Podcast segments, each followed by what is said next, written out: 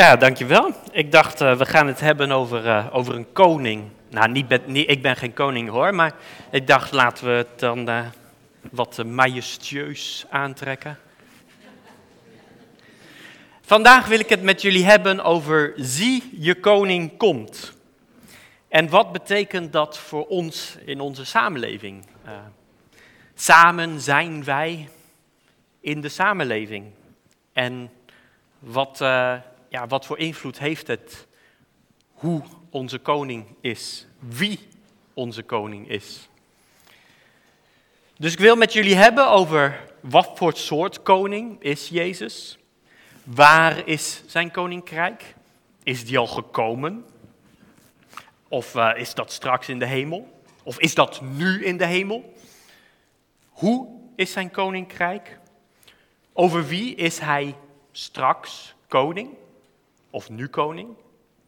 En dus de vraag hoe beïnvloedt dit onze rol in de samenleving. En zoals jullie weten is het Palmpasen, een week voor Pasen. En als we in de Bijbel lezen, dan lezen we daar dat Jezus een intocht heeft. Dat noemen we de intocht in Jeruzalem. En dat staat in de vier evangeliën beschreven.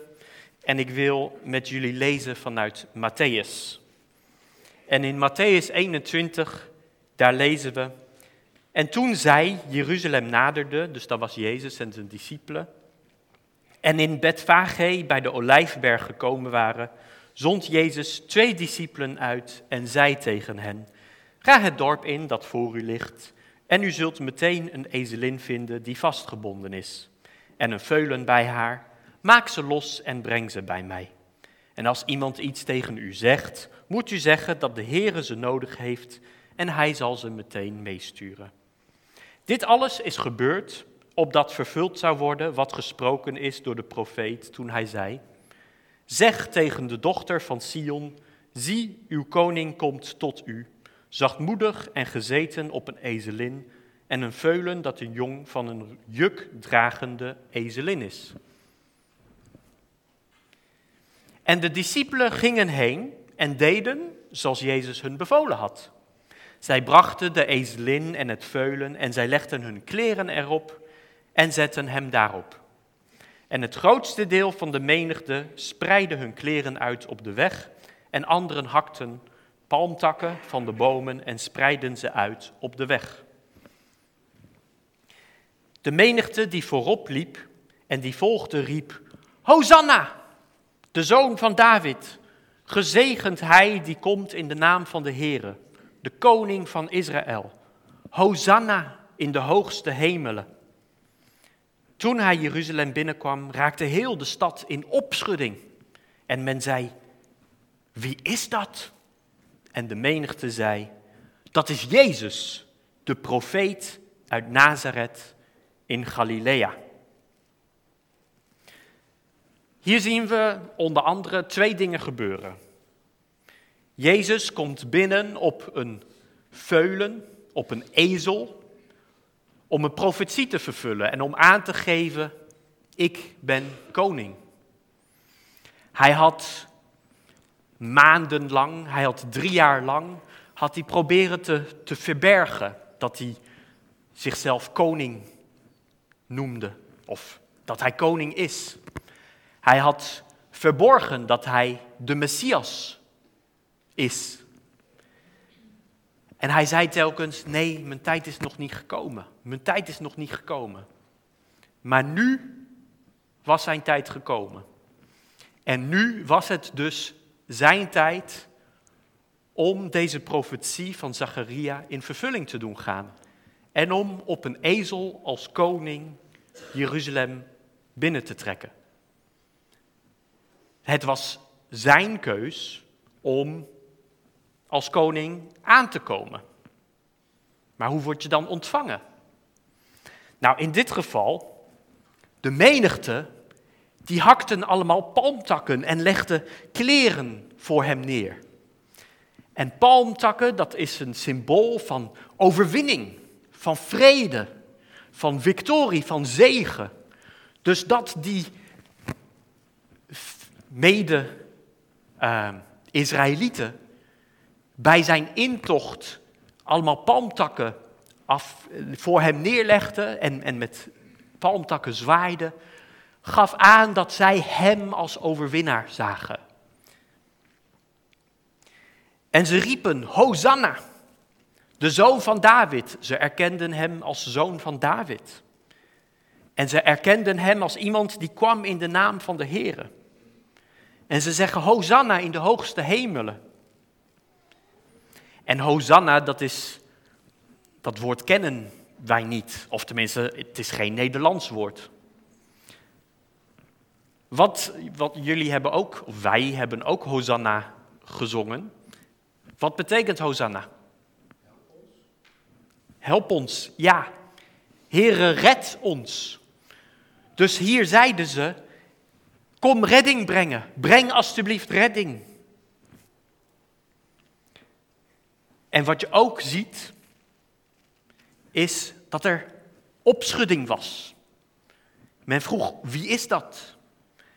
En wat je merkt door de geschiedenis heen, de drie jaar van, van Jezus' bediening en nu nog, dat wanneer je Jezus ontmoet of over Jezus hoort, er een opschudding is.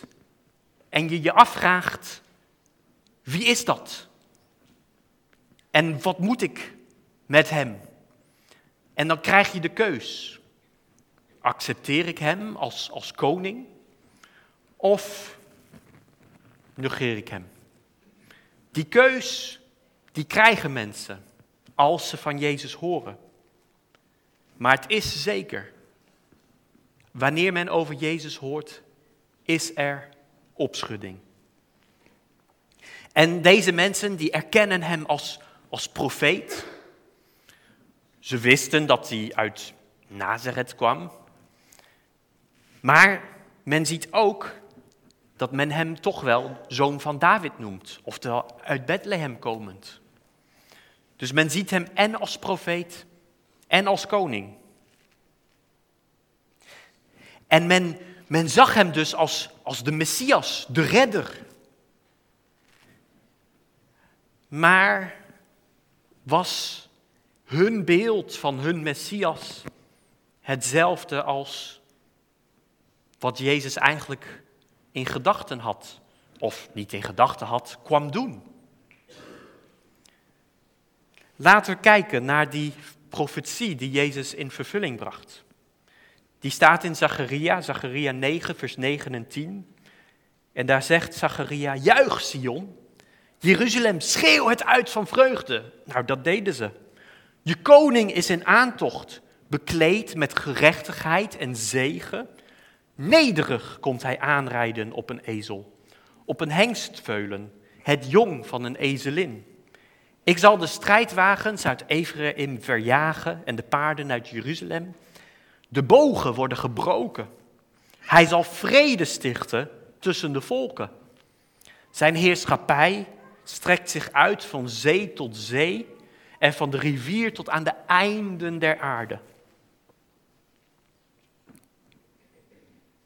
En ik wil drie aspecten vandaag met jullie bij langs. Dat Jezus nederig is dat hij vrede sticht. En over zijn heerschappij en wat dat inhoudt. Dus we beginnen met, idee, met die nederigheid. En in de context van de, van de intocht in Jeruzalem, terwijl hij Jeruzalem binnenkwam, even later, was hij in gesprek met mensen. Dus hij was als koning binnengetreden en in gesprek met met anderen, met fariseeën, geeft hij aan, voorwaar, voorwaar, ik zeg u, als de tarwekorrel niet in de aarde valt en sterft, blijft hij alleen. Maar als hij sterft, draagt hij veel vrucht. Wie zijn leven lief heeft, zal het verliezen. En wie zijn leven haat in deze wereld, zal het behouden tot het eeuwige leven. Als iemand mij dient, laat hij mij volgen. En waar ik ben, daar zal ook mijn dienaar zijn. En als iemand mij dient, zal de Vader hem eren. Dus in de context van zijn koningschap, van dat hij, op, dat hij net als koning is binnengehaald, vertelt hij, maar het gaat niet om die pracht en praal, het gaat niet om die autoriteit, het gaat erom dat je dienstbaar bent. En in die week, op die donderdag, dan weet je misschien wel dat hij zijn gewaad, zijn bovenkleed aflegde. En hij nam een doek en hij waste de voeten van zijn discipelen. En hij vertelde hun, als je de belangrijkste wil zijn, dan moet je dienen. Jezus zelf, de koning, die kwam er niet om in volle pracht en praal aanbeden te worden en het daarbij te laten. Hij liet zich aanbidden en daarnaast was hij dienstbaar. En in Filippenzen lezen we, dan zegt Paulus, heb niet alleen uw eigen belangen voor ogen, maar ook die van de ander. Laat onder u de gezindheid heersen die Christus Jezus had. Hij die de gestalte van God had, hield zijn gelijkheid aan God niet vast, maar deed er afstand van. Hij nam de gestalte aan van een slaaf en werd gelijk aan een mens. En als mens verschenen, heeft hij zich vernederd en werd gehoorzaam tot in de dood. De dood aan het kruis. Dat was het meest schandalige wat men kon overkomen. Een dood aan het kruis. Dus Jezus, die God was, die heeft zijn goddelijkheid afgelegd om mens te zijn. En Paulus die zegt, heb die gezindheid, die mindset, die gedachtegoed, heb die mentaliteit. En laat dat heersen in je, want hij schrijft dit aan een gemeente.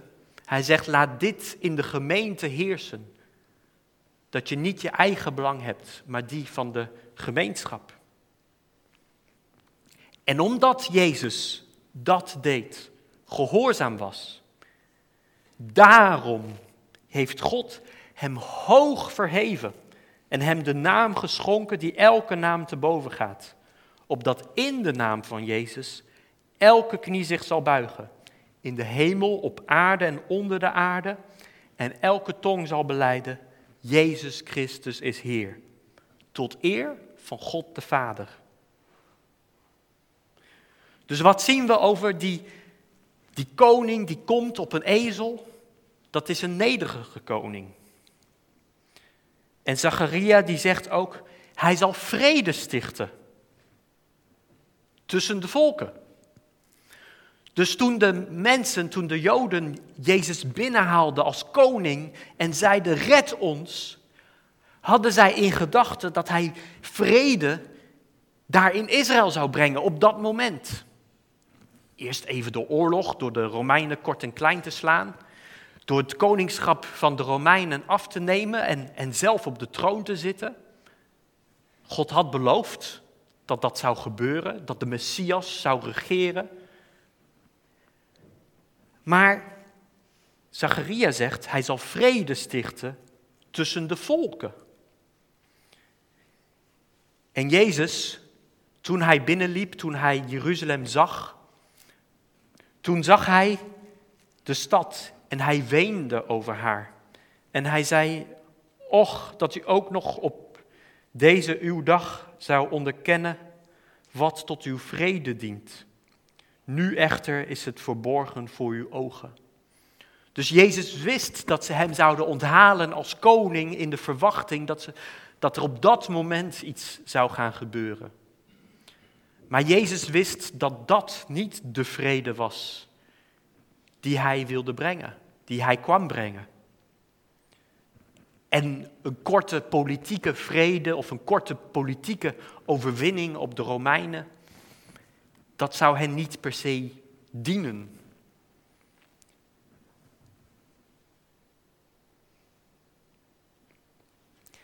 Tot slot, of tenminste in dit deel. Zijn heerschappij strekt zich uit van zee tot zee, van de rivier tot de einden der aarde. Dus Jezus die kwam binnen als heerser, als koning. En hij ontving heerschappij. Maar wat voor soort koninkrijk is dat dan? Uit in Daniel lezen we over, over een visioen en dat Gods koninkrijk komt. En dat komt van bovenaf en beetje bij beetje wordt het een steeds grotere steen, daar wordt het mee vergeleken. Maar ondertussen is er gewoon nog een koninkrijk op aarde. Dus er is iets gaande. Gods koninkrijk is in aantocht, terwijl er ook gewoon politieke koninkrijken op aarde zijn. En Jezus die zei, want de fariseeën vroegen hem over dat koninkrijk. En toen zei hij, toen zij hem vroegen wanneer het koninkrijk van God zou komen, antwoordde hij hun en zei, het koninkrijk van God komt niet op waarneembare wijze.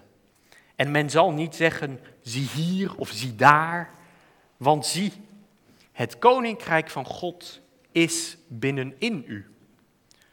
Dus mocht je ooit horen over het koninkrijk van God, dan is dat niet iets wat, of mocht je nu iets horen over het koninkrijk van God, dan is dat niet iets politieks, is dat niet iets wat de hele wereld omvat, als zeg maar net zoals we nu een koning hebben en allemaal onderdanen hebben. Maar dat koninkrijk is binnenin je. En op die manier kan het wel overal zijn, overal waar God aanbeden wordt. En dat koninkrijk, schrijft Paulus, dat bestaat niet uit eten en drinken, maar uit gerechtigheid en vrede en blijdschap in de Heilige Geest. Gerechtigheid bijvoorbeeld, zoals International Justice Mission waarvoor streeft. Dat gevangenen bevrijd worden. Dat onderdrukte losgelaten worden. Vrede, de vrede die we zagen. Maar ook de blijdschap in de Heilige Geest. En blijdschap in de Heilige Geest, wat, wat betekent dat? Nou, door de Heilige Geest weten we dat we kinderen zijn van de Vader. En dat het goed zit tussen ons en God. Dus als je weet, het zit goed tussen mij en de Vader, tussen mij en God, dan heb je blijdschap in de Heilige Geest. Dat is wat Jezus kon brengen, dat is het koninkrijk. En het is tot het einde der aarde. En als we dan kijken, een blik nemen in de toekomst, dan gaan we naar openbaringen. En dan lezen we daar dat Johannes, die zag een grote menigte, die niemand tellen kon, uit alle naties, stammen, volken en talen. Die stonden voor de troon en voor het lam, bekleed met witte gewaden en palmtakken. Hier zie je weer die palmtakken van de, van de overwinning en van de vrede met palmtakken in hun hand. En zij riepen met een luide stem, de zaligheid, de redding is van onze God, die op de troon zit en van het lam. Dus we zien straks voor Gods troon mensen uit alle naties, stammen, volken en talen. Ik zie daarnaar uit.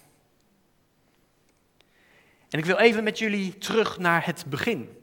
Het echte, prille begin. God die schiep hemel, hemel en aarde en vervolgens gaf hij, zei hij, laten wij mensen maken naar ons beeld, naar onze gelijkenis. En God schiep de mens naar zijn beeld.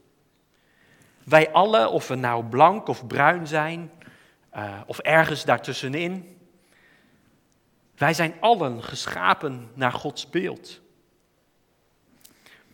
En het was Gods bedoeling dat we een relatie met Hem zouden hebben. Dat we met Hem zouden wandelen, dat we in contact met Hem zouden zijn. Maar we gingen onze eigen weg. We wilden liever zelf koning zijn. En God had ons opgedragen om de hele wereld te vervullen. Maar men besloot om, om, zich, om op één plek te blijven En dan heb je het verhaal van de toren van Babel. En dat was absoluut niet Gods bedoeling. Dus vandaar verspreidde de Heere hen over de hele wereld. Dus van daaruit zie je dat alle volken en talen ontstaan en dat die over de hele wereld verspreid zijn. Maar de bedoeling was wel dat ze uiteindelijk Hem weer zouden leren kennen. Dat ze allemaal voor Gods troon zouden staan. En zoals we net al lazen in openbaringen, en dit is een ander stukje in openbaringen, staan ze weer voor Gods troon straks. En zij zongen een nieuw lied en zeiden, u bent het waard om de boekrol te nemen en zijn zegels te openen, want u bent geslacht en hebt ons voor God gekocht met uw bloed, uit elke stam, taal, volk en natie.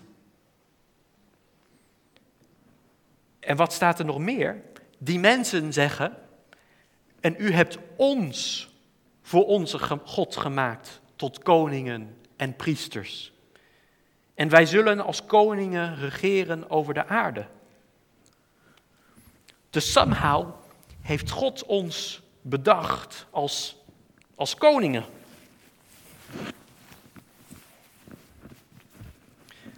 Maar wat voor soort koningen?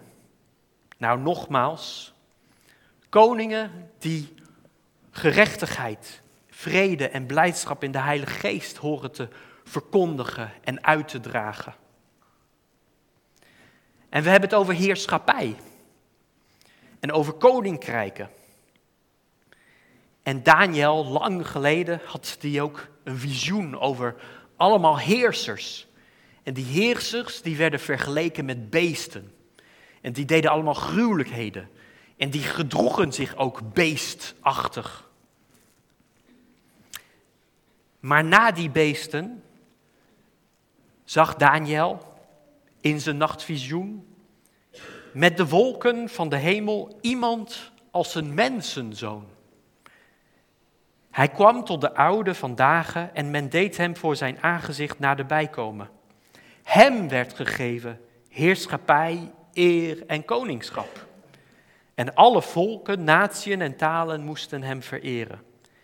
En zijn heerschappij is een eeuwige heerschappij, die hem niet ontnomen zal worden.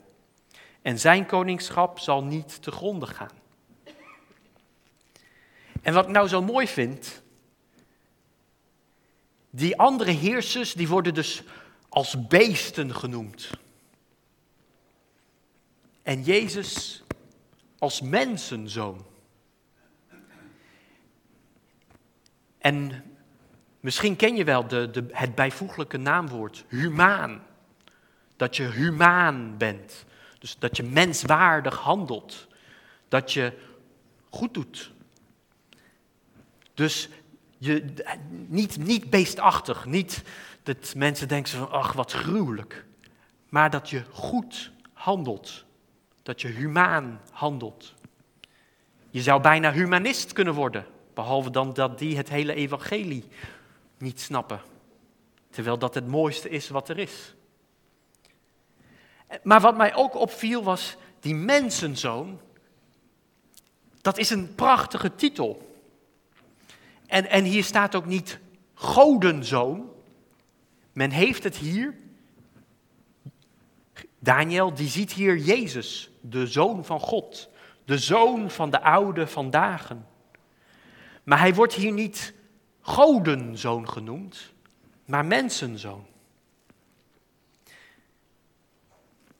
En ik moest ook denken, oh ja, wij zijn geschapen in Gods beeld als mens. Dus als mens zijn wij als God geschapen in zijn beeld. Als mens hebben wij alles om God te vertegenwoordigen hier op aarde. God heeft niet gedacht, die mensen, zo van dat menselijke ras, dat is me een beetje ja, minder waardig. Nee, God heeft ons naar zijn beeld geschapen. Dus ieder mens die jij tegenkomt, is ook in Gods beeld geschapen. Niet alleen jij bent in Gods beeld geschapen, maar ieder mens die jij tegenkomt. Ieder mens uit elke natie is in Gods beeld geschapen. En nog even over Jezus' heerschappij, hoe hij dan handelt. Jezus zegt, de geest van de Heere die rust op mij, omdat de Heere mij gezalfd heeft. Om een blijde boodschap te brengen aan de zachtmoedigen. En hij heeft mij gezonden om te verbinden de gebrokenen van hart, om voor de gevangenen vrijlating uit te roepen en voor wie gebonden zaten opening van de gevangenis. Om uit te roepen het jaar van het welbehagen van de Heere en de dag van de wraak van onze God en om alle treurenden te troosten. En net zongen we, en dat vond ik erg mooi, raak mijn hart met wat u raakt. Als we zo in de maatschappij leven, als we zo het wereldjournaal of andere nieuwsberichten uit de wereld horen, het is een beetje veel en het is ook heel vaak heel heftig. Maar je mag God vragen, raak mijn hart met wat u raakt. En natuurlijk is dat dan heel veel. Maar misschien kun je eraan toevoegen, raak mijn hart met wat u raakt, met wat u wilt, waar ik wat aan kan doen. Dus dat je niet alleen geraakt wordt door alle ellende, maar ook specifiek voor datgene waar jij een verschil in kunt maken. En Jezus die gaf aan toen hij naar de hemel terugkeerde. Hij gaf ten eerste aan dat het koningschap hem gegeven was. Dat hij alle macht had. En vervolgens gaf hij aan, ga dan heen en vertel alle volken over het evangelie. En, en hij zei, ik kom spoedig. En heel veel mensen die hebben zoiets van, ja, die spoedig van Jezus. Het is in ieder geval zo'n 2000 jaar later al. Dat noem ik niet spoedig. Maar in Petrus lezen we, de Heere vertraagt de belofte niet, zoals sommigen dat als traagheid beschouwen. Maar hij heeft geduld met ons en wil niet dat enigen verloren gaan, maar dat allen tot bekering komen. En misschien herinner je nog de preek van, van afgelopen jaar van Willem, waarin hij, het had, waarin hij het had over zout zijn. Over zout zijn in de maatschappij en dat je zout bent ook om te bewaren, ook om de maatschappij te bewaren. Dus Matthäus die zegt, of Jezus die zegt, u bent het zout der aarde. U bent het licht van de wereld. Laat uw licht zo schijnen voor de mensen dat zij uw goede werken zien en uw Vader die in de hemelen is, verheerlijken. Wees het zout der aarde. Zorg voor dat, zorg voor smaak. Zorg dat de samenleving niet bederft. En als we het dan toch over bakproducten hebben. Jezus die zegt ook, het koninkrijk van God is als gist. En gist, dat stop je in, in, in deeg. En beetje bij beetje rijst dat. Je ziet het niet echt, maar beetje bij beetje heeft het zijn invloed. En zo moeten wij ook in de samenleving beetje bij beetje verschil maken. En dat zie je niet gelijk, maar wel op den duur. Dus zie, je koning komt. Wat voor soort koning is Jezus? Nederig. Dus dien elkaar. Waar is zijn koninkrijk? In je hart. Hoe is zijn koninkrijk? Humaan. Het koninkrijk bestaat uit gerechtigheid, vrede en blijdschap in de Heilige Geest. En over wie is hij straks koning? Alle naties. En hoe beïnvloedt dit onze rol in de samenleving? Bewaar. Wees als zout in de maatschappij. En verkondig het goede nieuws. En tot slot, heel kort even nog. Jezus zei: Ga dan heen naar alle volken. En ik heb goed nieuws.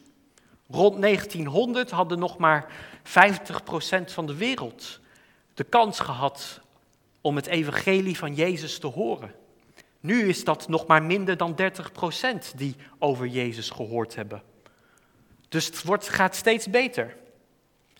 En we hebben de belofte dat daadwerkelijk straks mensen van alle volken en naties voor Gods troon staan. En aangezien we toch in openbaringen bezig zijn, de geest en de bruid, de bruid, dat zijn wij, wij zeggen kom. En je zou kunnen denken, zeggen wij kom tegen Jezus.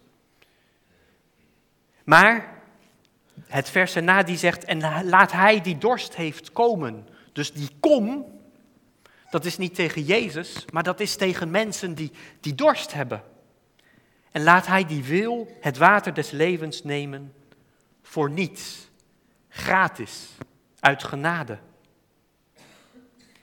En hij die van deze dingen getuigt zegt, en dit is nu Jezus, Jezus zegt, ja, ik kom spoedig. En hij zegt amen. En ook wij kunnen zeggen, amen, kom spoedig. Ja, kom, Heere Jezus.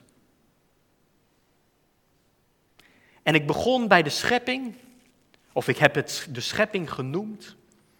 En dan is dit het allerlaatste vers in de Bijbel. Die zegt, de genade van onze Heere Jezus Christus zij met u allen. Amen.